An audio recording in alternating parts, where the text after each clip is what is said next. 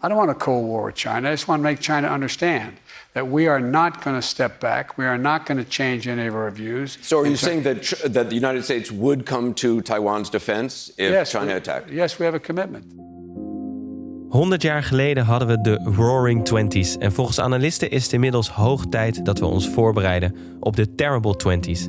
Want de spanningen rond Taiwan, een eilandengroep ongeveer even groot als België, maken dat de internationale verhoudingen steeds meer op scherp staan. Terwijl de Chinese gevechtsvliegtuigen dagelijks rond het Taiwanese luchtruim vliegen, spreken steeds meer westerse politici zich uit met steun voor Taiwan. Een confrontatie lijkt steeds minder ver weg.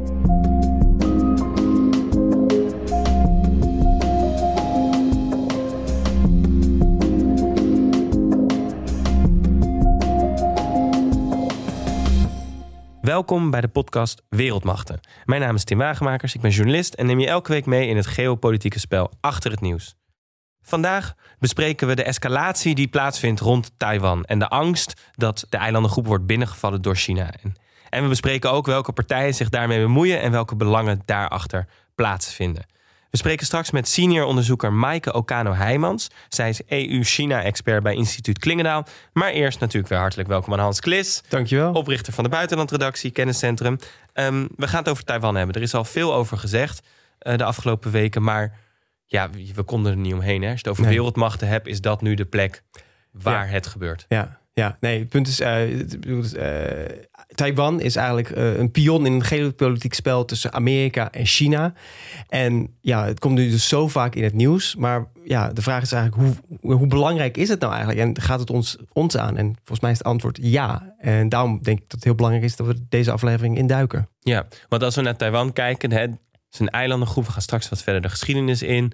En op dit moment is, ja, de, de, het verhaal is natuurlijk dat de angst bestaat dat China mm -hmm. Taiwan weer wil innemen, want ze zien Taiwan als afvallige provincie. Ja. En Amerika heeft gezegd: wij zullen Taiwan verdedigen, dus er is angst voor oorlog. Ja, ja. Dus de enige, uh, Taiwan wordt gezien als de enige plek waar een oorlog tussen de Amer Amerika en uh, China kan eigenlijk ontstaan. En dat, dan, ja, dat is een oorlog op een schaal die we natuurlijk al, ja, Ja. al misschien sinds de Tweede Wereldoorlog niet gezien hebben.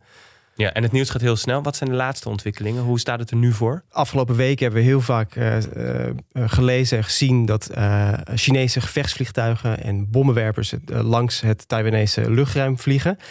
deze week weer. Er is een Amerikaanse delegatie van beleidsmakers van het congres op werkbezoek in Taiwan. En zodra ze geland waren, stuurde China daar weer zes gevechtsvliegtuigen op af om een signaal te geven van hey, dit vinden wij niet oké. Uh, Taiwan hoort bij ons, niks gaat ons tegenhouden. Ja, het is allemaal actie, reactie, actie, reactie. Ja. Maar uiteindelijk ligt daaronder natuurlijk gewoon de vraag, want hè, deze berichten komen nu al een paar maanden tot ons. Mhm. Mm -hmm. Gaat het echt gebeuren? Ja, dat is, de, dat is een hele goede vraag. Dat zijn, dat is Als je vraag... het antwoord wist, dan zou je denk ik trouwens ook niet hier zitten, maar uh, uh, topanalist ergens bij de CIA zijn waarschijnlijk. Ja, maar, ja. maar, maar, toch, die vraag. Die vraag die gaat uh, rond in ministeries van Defensie in heel de wereld. Van gaat dit nou gebeuren? Want de tekenen worden gewoon steeds, de, de, escalaties worden gewoon steeds groter. En de retoriek wordt ook steeds bombastischer. En dus ja, dat, dat is gewoon eigenlijk wat mensen bezighoudt nu. Van wat gaat daar gebeuren? En bereidt Taiwan zich daar ook op voor? Ja, ja. Uh, Taiwan die investeert gewoon heel erg veel in, uh, in de luchtverdediging, wapensystemen.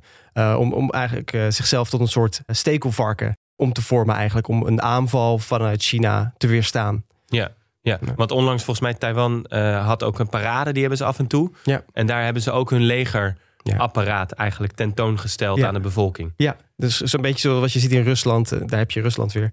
Uh, en in China dat ze met van die parades doen van, van, van, wapens om te laten zien. Kijk dit is wat we in huis hebben. En ook van deze zomer kwam ook natuurlijk ook naar voren... dat er Amerikaanse adviseurs ook uh, boots on the ground hebben uh, in Taiwan om ze te helpen daarbij. Dus ja. het gaat in een uh, snellere stroomversnelling. Ja, maar op die escalatieladder, wie Mhm. is dan aan het wachten op wie? Of ja, wie, wie moet uiteindelijk daar iets in doen dat het of Mhm. de-escaleert of, Ja. Ja, het, het is een of dat China binnenvalt? Het is, het is een kruidvat. Het is, uh, er zijn gewoon twee partijen, Amerika en China, die gewoon de hele tijd elkaar een beetje uitproberen te dagen. Of er gebeurt gewoon helemaal niks. Of, een, ja, of China wacht op een opportun moment om binnen te vallen. Of er is een ongelukje en iemand steekt per ongeluk, strijkt per ongeluk een lucifer af en gooit het in het kruidvat. Je weet, we weten het niet. Ja, ja, twee vliegtuigen die tegen elkaar botsen. Precies, zo'n gevechtsvliegtuig dat neerstort. Ja. Wie heeft dat gedaan? Misschien moeten we even terug naar waarom Taiwan nou de plek is waar dit zich eh, in afspeelt. Ja. Ehm, kunnen helemaal de geschiedenis van die eilandengroep in. Maar eh, hoe zou jij dat, als je dat heel snel moet doen, duiden? Want je hebt een periode voor 1940 en daarna. Ja, ja, nou ja, ik, ik, ik, ik, ik, ik beschouw eh, Taiwan een soort van als het Polen van Azië. Polen is een land wat in de, in de Europese geschiedenis heel vaak is in- binnengevallen door Duitsland, door Rusland. Altijd een soort van een, een betwist gebied is geweest. Dat is Taiwan ook. Eh, wist je bijvoorbeeld dat in de 17e eeuw de VOC daar een, eh, een, een post had? Dat, dat het eigenlijk Taiwan een kolonie was van, van Nederland. Nou ja, dat, dat verbaast me dan niet. Maar ehm, eh, dat is, uiteindelijk hebben we altijd wel ergens weer onze vingerafdrukken Ja. achtergelaten. Ja. Het Chinese keizerrijk heeft daar Taiwan eh, deel gemaakt van, van zichzelf. Maar eh, in, in, tijdens de Tweede Wereldoorlog viel Japan Taiwan binnen. De- de- dat is twintig jaar lang onder Japans bewind geweest. Want eh, Ta- Taiwan ligt gewoon heel geografisch gewoon heel erg strategisch handig. Het is een springplank naar Indonesië, naar de Filipijnen, naar Japan. De straat van Taiwan, dat is een van de drukst eh, gebruikte scheepsroutes. Ehm, dus ja, het ligt daar gewoon heel goed. En dat zou een reden kunnen zijn voor China om het weer, weer Ja. op te nemen. Maar de Chinees, in de Chinese burgeroorlog, daar is eigenlijk de splitsing gekomen van Taiwan van China. Wanneer was die oorlog? In 1922, eh, 1927 tot 1949. Burgeroorlog tussen de communistische partij van Mao Zedong en de nationalisten van eh, Chiang Kai-shek. Als ik deze naam verkeerd uitspreek, dan ja, sorry. Je doet je best. ik, ik doe mijn best. Ja. Hoewel eh, Chiang Kai-shek met zijn nationalistische partijen en leger ja, heel lang de overhand leek te hebben, eh, verloren ze uiteindelijk eh, die burgeroorlog. En zij trokken, eh, hij trok zich terug op Taiwan in 1949 samen met 2 miljoen Chinese inwoners. Ja, daar hebben ze een nieuwe ja, soort van de facto staat eigenlijk opge, opgericht. En Taiwan als eilandengroep heeft zich ook ontwikkeld in de jaren 80 als een, een soort van democratie. Ja. En dat is eigenlijk natuurlijk een doorn in het oog geweest van communistische, ja, van Ja. communistische China. Ja, want eigenlijk als je kijkt, dat was het punt waarop, die, waarop China en Taiwan uit elkaar gingen Ja. lopen. De, Ja. China ontwikkelde zich tot de communistische volksrepubliek die het nu is. Ja. En Taiwan ontwikkelde zich tot een democratische staat... Waar eh, elk jaar, of elke zoveel jaar vrije verkiezingen gehouden worden... die internationaal gezien wordt als een baken van democratie. Ja, en lange tijd heeft China eigenlijk het beleid gehouden van, nou ja, weet je, het, Taiwan komt vanzelf wel weer terug. Eh, ze hebben economische banden aangehaald. Ze hebben ge- het systeem gepromoot, wat waaronder ze ook Hongkong en Macau eh, hebben gehandhaafd voor lange tijd. Twee, twee partijen, één staat. Dus eh, Hongkong was een bijzonder, eigenlijk westers Ja. eh, deel van China met een ander eh, politiek systeem. En dat was eigenlijk een soort van het lokkertje voor Taiwan. Van kom, als jullie terugkomen, dan, ja, dan, dan, dan horen jullie erbij en je kunt een beetje je eigen koers varen en het komt allemaal wel goed. Ja. Eh, maar ja, de, Taiwan heeft dat nooit echt eh, geloofd. En die zijn nog steeds hun eigen gang aan het gaan. Die hebben een bloeiende economie. En wordt Taiwan erkend als, als, als onafhankelijke staat... wat zij willen door de internationale gemeenschap? Nee, nee. Dat was sinds eh, de jaren 70 niet meer. Want tot 1971, toen had Taiwan, die bezette eigenlijk de, de, de VN-zetel voor China. Ja. Eh, maar daarna is het toch echt, ja, is, is, is dat veranderd? Is het China geworden? Want het was onhoudbaar. Dat China zo groot was. Maar eh, het is altijd een gevoel, geopolitiek een heel gevoelig dossier Ja. geweest, Taiwan.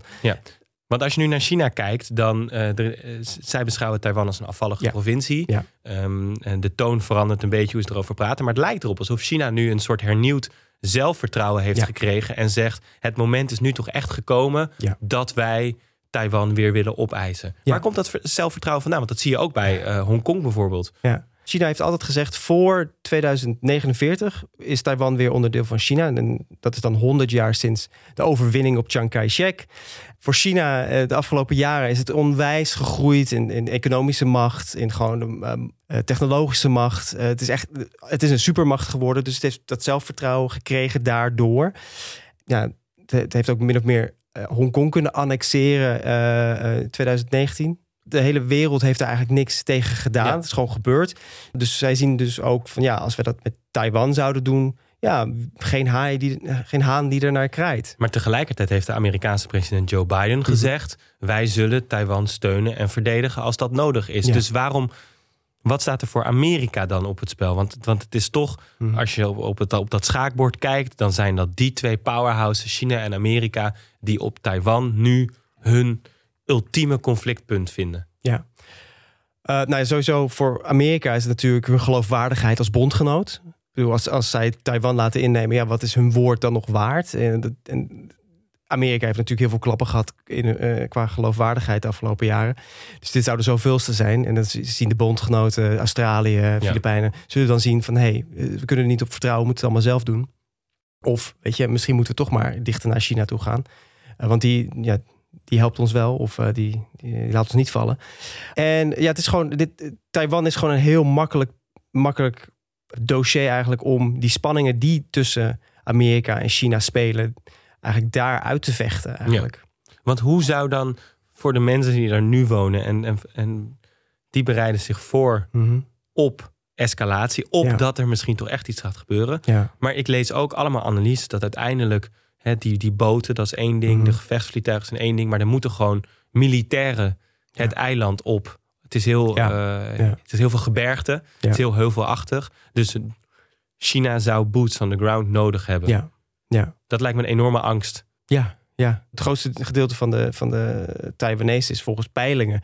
Hele, heeft helemaal geen trek in een, eh, in een hereniging met, met het vasteland. Ja, wat ik al zei, Taiwan ontwikkelt zich als een soort van stekelvarken. Hè? Dat is Ja. eh, waar je eigenlijk met heel veel brute kracht breek je die open en dan kan je die aanpakken eigenlijk. Dus een aanval op Taiwan, ja, daar, daar zijn de, de inwoners heel erg bang voor. Want het gaat heel veel slachtoffers waarschijnlijk opleveren. Ik bedoel, bombardementen, boots on the ground. En die, ze hebben natuurlijk ook een angst voor, voor, wat, ze, voor wat er met hen gebeurt nadat alles, nadat weet je, China de boel heeft overgenomen, als dat zover komt. Eh, Weet je, iedereen die zich uitspreekt tegen eh, hereniging met China, die kan, als we kijken naar het voorbeeld van Hongkong, eh, verwachten dat er op een gegeven moment een klop aan de deur komt. Eh, Ja. En ik, ik denk dat het een goed voorbeeld is van wat er kan gebeuren is de, de uh, Taiwanese activist Li Ming-che. Een, een activist die, eh, die ook eh, heel erg in het vizier is van Amnesty International. eh, Mhm. om, om- omdat ze die graag uit de, uit, de, uit de gevangenis willen krijgen in China. Die, dat was iemand die in China eh, pro-democratie standpunten probeerde te verspreiden. En eh, de families van eh, gevangen genomen dissidenten daar probeerde financieel te ondersteunen. Ja, dat is een beetje wat het voorland voor, voor mensen die Ja. misschien vandaag in een Facebook-post in Taiwan zeggen: hey, ik wil- heb helemaal geen zin in eh, een herinnering met China. Dat, Ja. is, dat, dat, ja, dat staat ze te wachten. Ja, dat, dat is ontzettend concreet dat dat het voorland zou Ja. kunnen zijn voor Taiwanese. Tegelijkertijd is het ook zo dat Taiwan ehm, de afgelopen tientallen jaren economisch ook eh, verknoopt is geraakt met de rest van de wereld. Zij hebben zich niet Ja. Afgesloten. Ehm, wat staat daar op het spel? Want ik, ik herinner me Taiwan ook dat zij nogal goed met chippies zijn, bijvoorbeeld. Hè, voor voor mijn Ja. telefoon dan, hè? Ja, ja nee, op, eh, de wereld kampt op dit moment met een groot tekort aan computerchips. En in Taiwan, eh, daar staat eh, een fabriek, de Taiwan Semiconductor Manufacturing Company. en die is verantwoordelijk voor de productie van de, bijna de helft van de computerchips op de wereld. Taiwan is eigenlijk de leverancier die ervoor zorgt dat wij allemaal telefoons hebben, nieuwe auto's kunnen, kunnen kopen, eh, dat dingen werken. En ja, dat is natuurlijk een gigantische prijs ook natuurlijk, als je, als je die in handen zou kunnen krijgen. Maar voor de rest van de wereld zou dat een gigantisch verlies zijn. Maar vind je me dan cynisch als ik zeg dat misschien wel dat feit dat die fabriek daar staat, dat Mhm. economische argument, misschien nog wel een, een, soort belangrijke factor kan zijn voor de internationale gemeenschap om te zeggen: het mag absoluut niet gebeuren dat China daar binnenvalt? Ja, want er is een gigantische soort van arms race, een wapenwedloop eigenlijk gaande op dit moment op aarde. Met eh, landen die proberen hun ja, eh, chipsfabrieken te kopen. Ja. Amerika probeert het te doen. Die, die koopt fabrieken op in, eh of dan Amerikaanse bedrijven kopen fabrieken op in, in Groot-Brittannië. China doet hetzelfde, Chinese bedrijven. En in Europa komen we erachter dat, we, dat alles al verkocht is. En dat, we geen, eh, dat we geen chipsfabrieken hebben. Dus eh, volgens mij, eh, de Franse president Emmanuel Macron... die heeft zich heel erg hard gemaakt voor een, een Europese chipsindustrie. Het is een beetje het nieuwe goud, hè? De, de nieuwe olie. Wie dat in handen heeft, die, eh, die heeft, heeft de macht. Ja. ja. Als we dan toch nog tot slot, hè, de, als we nou kijken van hoe gaat dit zich nou verder ontwikkelen? Wat is de route? De vraag is, gaat het gebeuren? Is er iets te zeggen van al die analisten die jij gelezen hebt, al die rapporten die, je, Mhm. die je gelezen hebt, is er iets te zeggen over de termijn waarop ze denken? Die 2049 noemde je al vanuit Chinees perspectief. Ja. Ehm, maar denk je dat, want er wordt nu over geschreven alsof het bijna elk moment zou kunnen gebeuren? historisch gezien is het die deadline van 2049. Alleen de, eh, al die analisten die hebben nu het idee dat het binnen misschien wel tien jaar gaat gebeuren. De Amerikaanse eh, admiraal voor de eh, Indo-Pacific, meneer Davidson, in het congres heeft hij eh, eh, gezegd: Nou, binnen zes jaar gaat het eigenlijk gebeuren. We kunnen het verwachten binnen zes jaar. Dan is China sterk genoeg en heeft genoeg eh, opbouw van marineschepen. Ja, ze noemen het de Davidson window, die zes jaar. Dat wordt steeds dus kleiner met elke dag. Maar er zijn wat analisten die denken: hey, weet je, het gaat niet dit jaar gebeuren. Is heel veel wapengekletter, maar dit jaar gaat het niet gebeuren. Want China ziet volgend jaar de Olympische Spelen. Er, is een, er komt een partijcongres waar Xi Jinping een nieuwe, ter- een nieuwe termijn gaat krijgen, waarschijnlijk. En dat, wil, dat zou, zou hij niet in gevaar willen brengen met een mislukte invasie, bijvoorbeeld. In 2024 is een Taiwanese verkiezing voor eh, president. En, maar ook de Amerikaanse eh, presidentsverkiezingen zijn dan. Dat zou een heel goed moment zijn om een invasie van Taiwan te plannen. Als bijvoorbeeld een nieuwe president is verkozen. Als Joe Biden niet Ja. herkozen wordt en hij een lame duck is, dus een minder eh, machtige president is, om dan te doen. En om dan ook meteen te zeggen: dit is de laatste verkozen president voor Taiwan. Want nu is er een einde. eh, nu komt er een einde aan Taiwan. Maar ook 2027 wordt genoemd als, als, als, Ja. als een goed, goed moment eigenlijk. Ook weer na een partijcongres in China. Ja, ja, en het heeft natuurlijk niet alleen invloed op Taiwan, het heeft invloed op die hele regio. En Ja. daar gaan wij over doorpraten met onze expert van deze week. En dat is Maaike Okano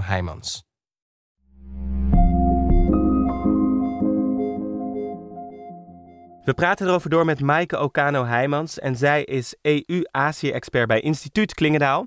Ehm, welkom Maaike, fijn dat je er bent. Dankjewel. Ehm, we hebben het veel gehad over nou ja, de relatie tussen Taiwan en China en hoe Amerika daarop reageert. Maar het is natuurlijk iets wat in Oost-Azië de hele regio raakt. Ehm, vanuit jouw werk, hoe kijk jij daarnaar? Want bijvoorbeeld Japan is ook een land dat zich zorgen maakt om wat er nu gebeurt, nietwaar? Zeker, ja. Taiwan eh, ligt eigenlijk of de, eh, vlakbij Japan. De zuidelijke eilanden van Japan, Okinawa, die liggen heel dichtbij eh, Taiwan. Dus dat is nou geografische dichtbij. aanvoerlijnen hè, van heel veel schepen varen er natuurlijk door de straat van Taiwan. ook richting Europa van, vanuit Japan. Dus het gaat Japan heel direct aan. En, en daarnaast ook de, nou ja, de, de opkomst van China als grootmacht. Eh, die groeiende invloed heeft en, en groeiende eh, invloed ook uitoefent op de stabiliteit of de instabiliteit in de regio. Eh, dat is alles ja, waarvoor het voor Japan belangrijk is. Maar ja, ook een hele grote groep Zuidoost-Aziatische landen. Hè, die, van Singapore tot, tot de Filipijnen en, en Indonesië. Het zijn ook allerlei landen die daar zich zorgen maken over wat doet China's eh, groeiende invloed in de regio en specifiek eh, ja, de wens eigenlijk tot eh, hereniging met wat zij noemen een afvallige provincie Taiwan. Ja, wat is dan de angst of de zorg bij die landen ehm, eigenlijk dezelfde als waar ze in Taiwan bang voor zijn? Dat het echt gaat om innemen van het grondgebied? Of zijn dat andere zorgen? Ja, zijn andere zorgen. Hè? In, Taiwan, die mensen die zitten daar op hun eiland eh, en die hebben nu een bloeiende democratie. En die zijn bang dat dat helemaal verloren gaat. Dat ze dadelijk onderdeel worden van een uh, autocratisch uh, bestuur in Peking. Dus daarvoor hun, voor de mensen op Taiwan staat veel meer op het spel natuurlijk. En voor de landen daaromheen is het echt de, de stabiliteit en, van de regio zelf. Hè, die nogmaals ook heel erg te maken heeft met, met economie. Uh, en ook, ja, wat, wat gaat China dan verder doen hè? Als, ze, als ze Taiwan terug zouden hebben? Ja, wordt het dan een volgende uh, doel wat ze willen hebben? Namelijk, uh, nou ja, niet zozeer qua geografisch grondgebied, maar wel qua invloedssfeer. En kunnen de ja. landen daar dan nog onderuit? Dat, die ruimte die wordt steeds kleiner eigenlijk als, als, ja, als China de macht vergroot. Want een woord wat jij ook wel eens genoemd hebt, volgens mij is het woord salami-tactiek richting Japan. Kun je daar iets meer over vertellen? Dat is inderdaad de, de, de tactiek zoals die soms wordt uh, uitgelegd, waar China mee bezig is. Ze hadden natuurlijk uh, eerst een, uh, een één land, twee systemen. Toen waren Hongkong en Macau als onderdeel van China, maar die hadden nog wel een soort van vrijheid van bestuur. nou, dat is een heel stuk minder geworden. We hebben allemaal, denk ik, nog die, die protesten daartegen. de Nationale Veiligheidswet die China vorig jaar heeft ingevoerd in Hongkong. Nou, eigenlijk kan je zeggen, China heeft Hongkong wel zo'n beetje ingelijfd. En, en dat geeft dus nu ook ruimte om naar de volgende stap te gaan in die salami-slicing. dat is Taiwan. En nou ja, al jaren geleden heb ik Japanners wel eens horen zeggen dat zij bang zijn dat dan hè, nou ja, die het verder gaat opschuiven. En dan komen ze heel dicht bij het zuidelijke puntje van, uh, van Japan uit. Om hun invloedssfeer dus uh, te vergroten. En dat is ja, nogmaals een grote zorg van landen in de regio. Omdat het China gewoon een heel ander type bestuur heeft dan uh, veel van die landen daar, die gewoon wel democratisch zijn. Heb je het idee dat op het, zeg maar het geopolitieke nou ja, schaakbord waar al die belangen worden uitgesproken, dat die landen genoeg um, uh, hun verhaal kunnen doen? Want hè, als ik nu de media lees, dan gaat het toch veel over of Amerika en China met elkaar in conflict raken. Um, dat is toch eigenlijk de, de, de, de soort van, nou ja, de essentie waartoe het vaak geredeneerd wordt. Terwijl die stabiliteit in de regio misschien wat minder aan bod komt. Of is dat niet zo, denk je? Nou ja, ik ben al, al, al lang blij als er überhaupt over China in, uh, in, niet in zwart-wit termen, maar genuanceerd gerapporteerd wordt. Uh, dus hè, ik denk dat zo'n podcast als die van jullie daar heel erg aan bij kan dragen. Dat we onze kennis een beetje vergroten. En, en dan langzaamaan kan het gaan over meer dan inderdaad de grootmachten. Uh, en dan kom je inderdaad op al die landen in Zuidoost-Azië die ook echt ja, gevangen zitten eigenlijk in een, in een spel tussen grootmachten. Maar uiteindelijk is het wel het spel tussen grootmachten het eerste wat je ziet. Dus het is in die zin ook logisch dat dat het eerste is waar we naar kijken. Uh, maar het lijkt me heel belangrijk als we, als we allemaal ietsjes beter snappen wat er gebeurt en wat er op het spel staat. Is het in die zin ook dat we weer teruggaan naar de oude. Kijk, vroeger in de Koude Oorlog had je natuurlijk die termen als invloedssferen. En dan was ook het grote verhaal. Uh, nou ja, het communistisch blok, het westers blok, zeg maar, die dan tegenover elkaar stonden. Als ik het zo lees en hoor, dan lijkt dat toch in die regio weer terug te komen. Met allemaal landen eigenlijk als speelpion. Ja, nou dat hoor je inderdaad heel vaak. Is het nu weer een nieuwe Koude Oorlog? Um, ik denk een heel groot verschil met de Koude Oorlog is dat er nu veel meer wederzijds afhankelijkheid is. Rusland is en was toen geen grote economische macht. Uh, China is dat wel. En, en daardoor hebben wij dus ook enorme belangen in China en uh, ook belangen in uh, nou ja, het behoud van stabiliteit in China. En je kan daar niet, ook niet van zeggen van nou, dat is een ver van je bedshow als het, uh, als het uh, land daar uh, in, een, in, een, in een chaos gaat verkeren. Of dat dat nou komt door een veiligheidsprobleem of door een economisch probleem. Um, dat raakt ons allemaal. Hè? In Japan zeggen ze ook wel, uh, ja, het bestuur, het politieke deel van China, uh, daar staan wij, uh, daar kunnen we ons niet in vinden. Maar economisch, de reden dat het relatief nog goed is gegaan de afgelopen twintig jaar, economisch gezien, is dankzij China en, en de handel met China en de investeringen in, in China. Dus dat, en, en dat is de catch-22, hè, de, de, waar dus wat ik net zei, veel landen in, in gevangen zitten. Dat ze economisch heel veel aan China hebben en, uh, en van China winnen. Uh, winst maken, moet ik dan zeggen, uh, of economisch kunnen groeien.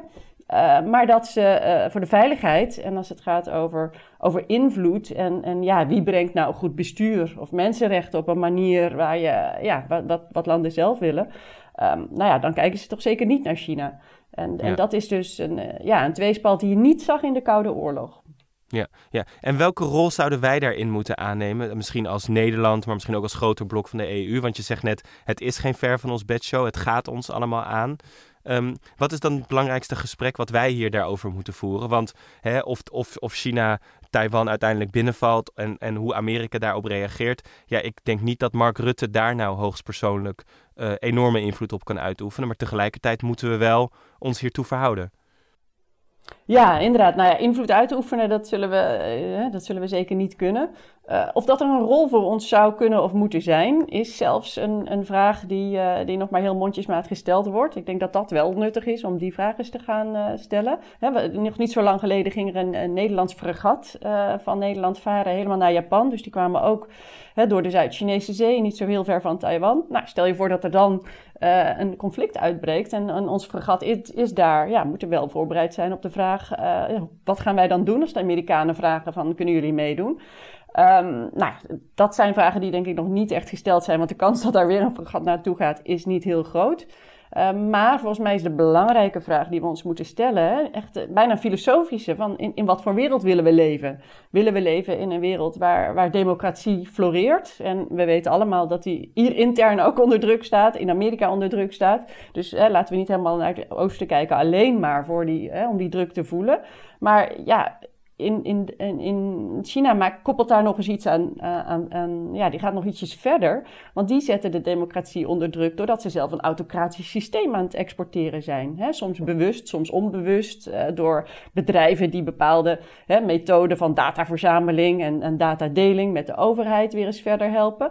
En, en ja, is dat een wereld waarin wij willen leven? Volgens mij niet. Um, hè, de meeste mensen in Nederland die willen toch uh, graag hun, hun, stem blijven uh, uitbrengen uh, voor, een, voor de verkiezing. Of in ieder geval vrijheid van meningsuiting hebben. of dat het nou online is of, of in, gewoon als je op straat loopt. moet je toch niet aan denken dat dat niet zo is. Maar ja, dat is wel realiteit waar die Chinese bevolking ja. in leeft. Ja, maar die filosofische vraag die wordt natuurlijk nu economisch vaak beantwoord. Als in, we gaan al die relaties aan. Ja, dat klopt. En, en uh, ja, zolang we dat gescheiden konden houden, economie en, uh, en, en, en, politieke systemen, dan was dat prima. Hè? Dan kon je zeggen van, nou, is misschien niet zo leuk wat er daar gebeurt, maar dat is een ver van ons bedshow.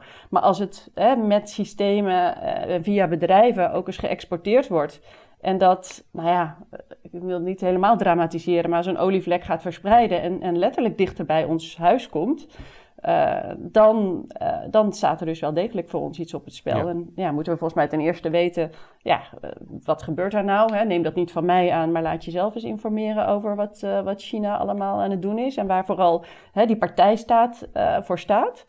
Um, en wat ze doen ook, hoe ze dat naar buiten brengen. dan kan je misschien ook bewustere keuzes maken in wat jij koopt, wel of niet, uit, uit dat land bijvoorbeeld. Hè? Ja, ja. Maar het is natuurlijk ook zo dat, dat inderdaad de Chinese overheid zelf het onderscheid ook niet meer maakt tussen uh, politiek en economie. In die zin dat Nederland in Taiwan volgens mij een, um, een, een, een, een handelskantoor had. En, en, die, die en toen hebben, misschien kun je daar zo zeggen, toen hebben ze die naam gewijzigd en daar was China heel boos om.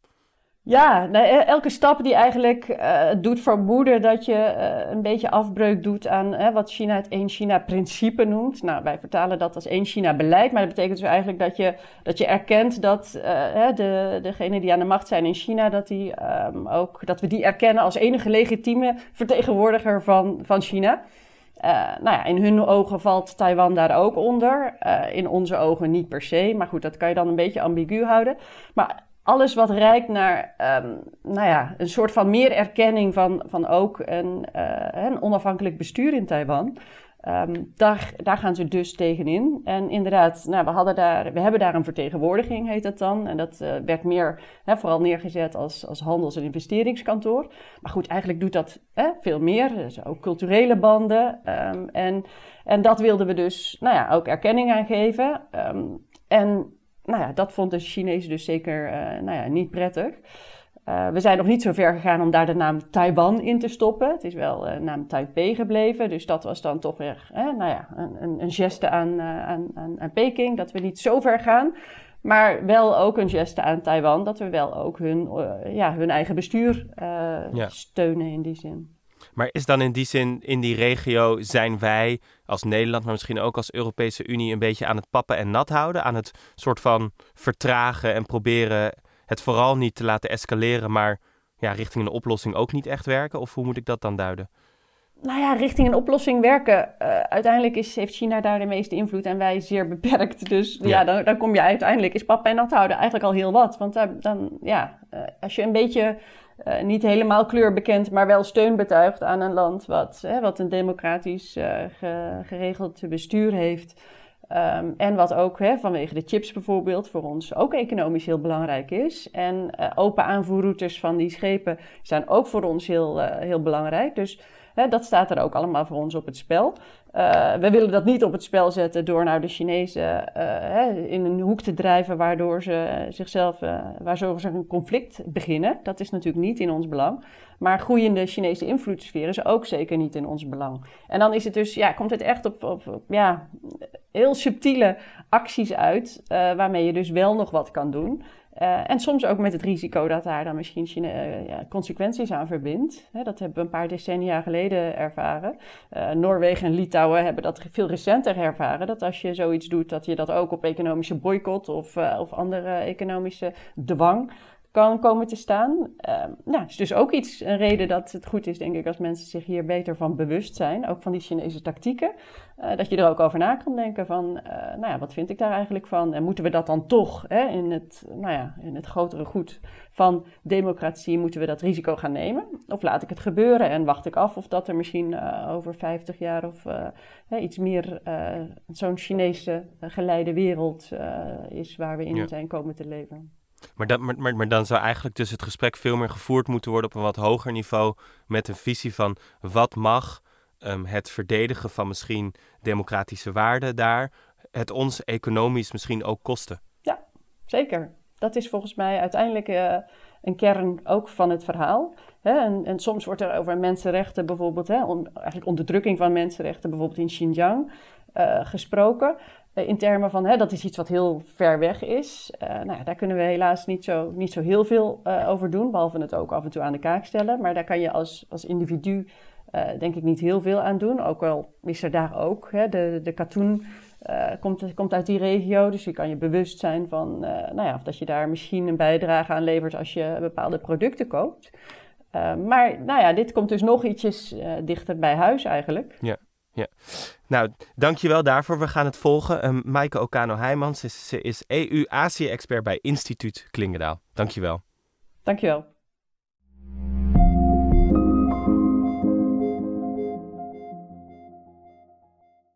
Als je dit nou zo hoort, Hans, hoe gaat dit nou verder? Want iedereen worstelt mm -hmm. met hoe ze hiermee moeten omgaan. Want niemand wil verder escaleren. En tegelijkertijd wil je ook iets doen als landen om misschien te deescaleren. Ja. Ja.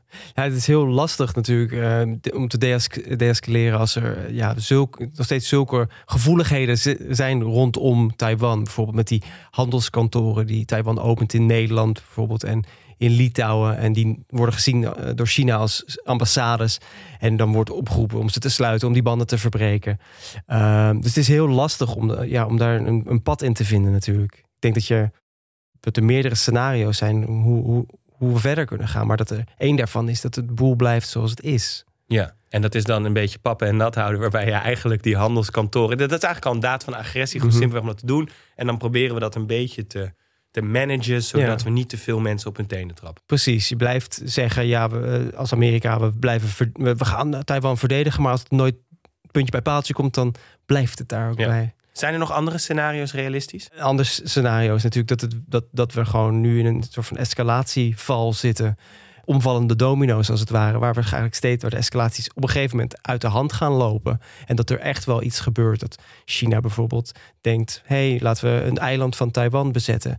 En dan blijkt dat alle oorlogsspelletjes die de die Amerikaanse uh, denktank spelen en het Amerikaanse leger uh, hebben uitgevoerd dat ze daar ook niks tegen kunnen doen. En want ja. uh, alles zal, alle, alle ingrepen eigenlijk leiden tot een grote oorlog. Ja, en eigenlijk zie je dan nu dat, dat de internationale gemeenschap, als je die even ziet als mm -hmm. EU, Amerika en zo, dat die al, al die jaren continu met zo'n red line, continu in conflict situaties mm -hmm. op, opschuiven, zodat iedereen mm -hmm. steeds een stukje verder kan duwen. En de vraag is wanneer, wanneer komt het einde daaraan?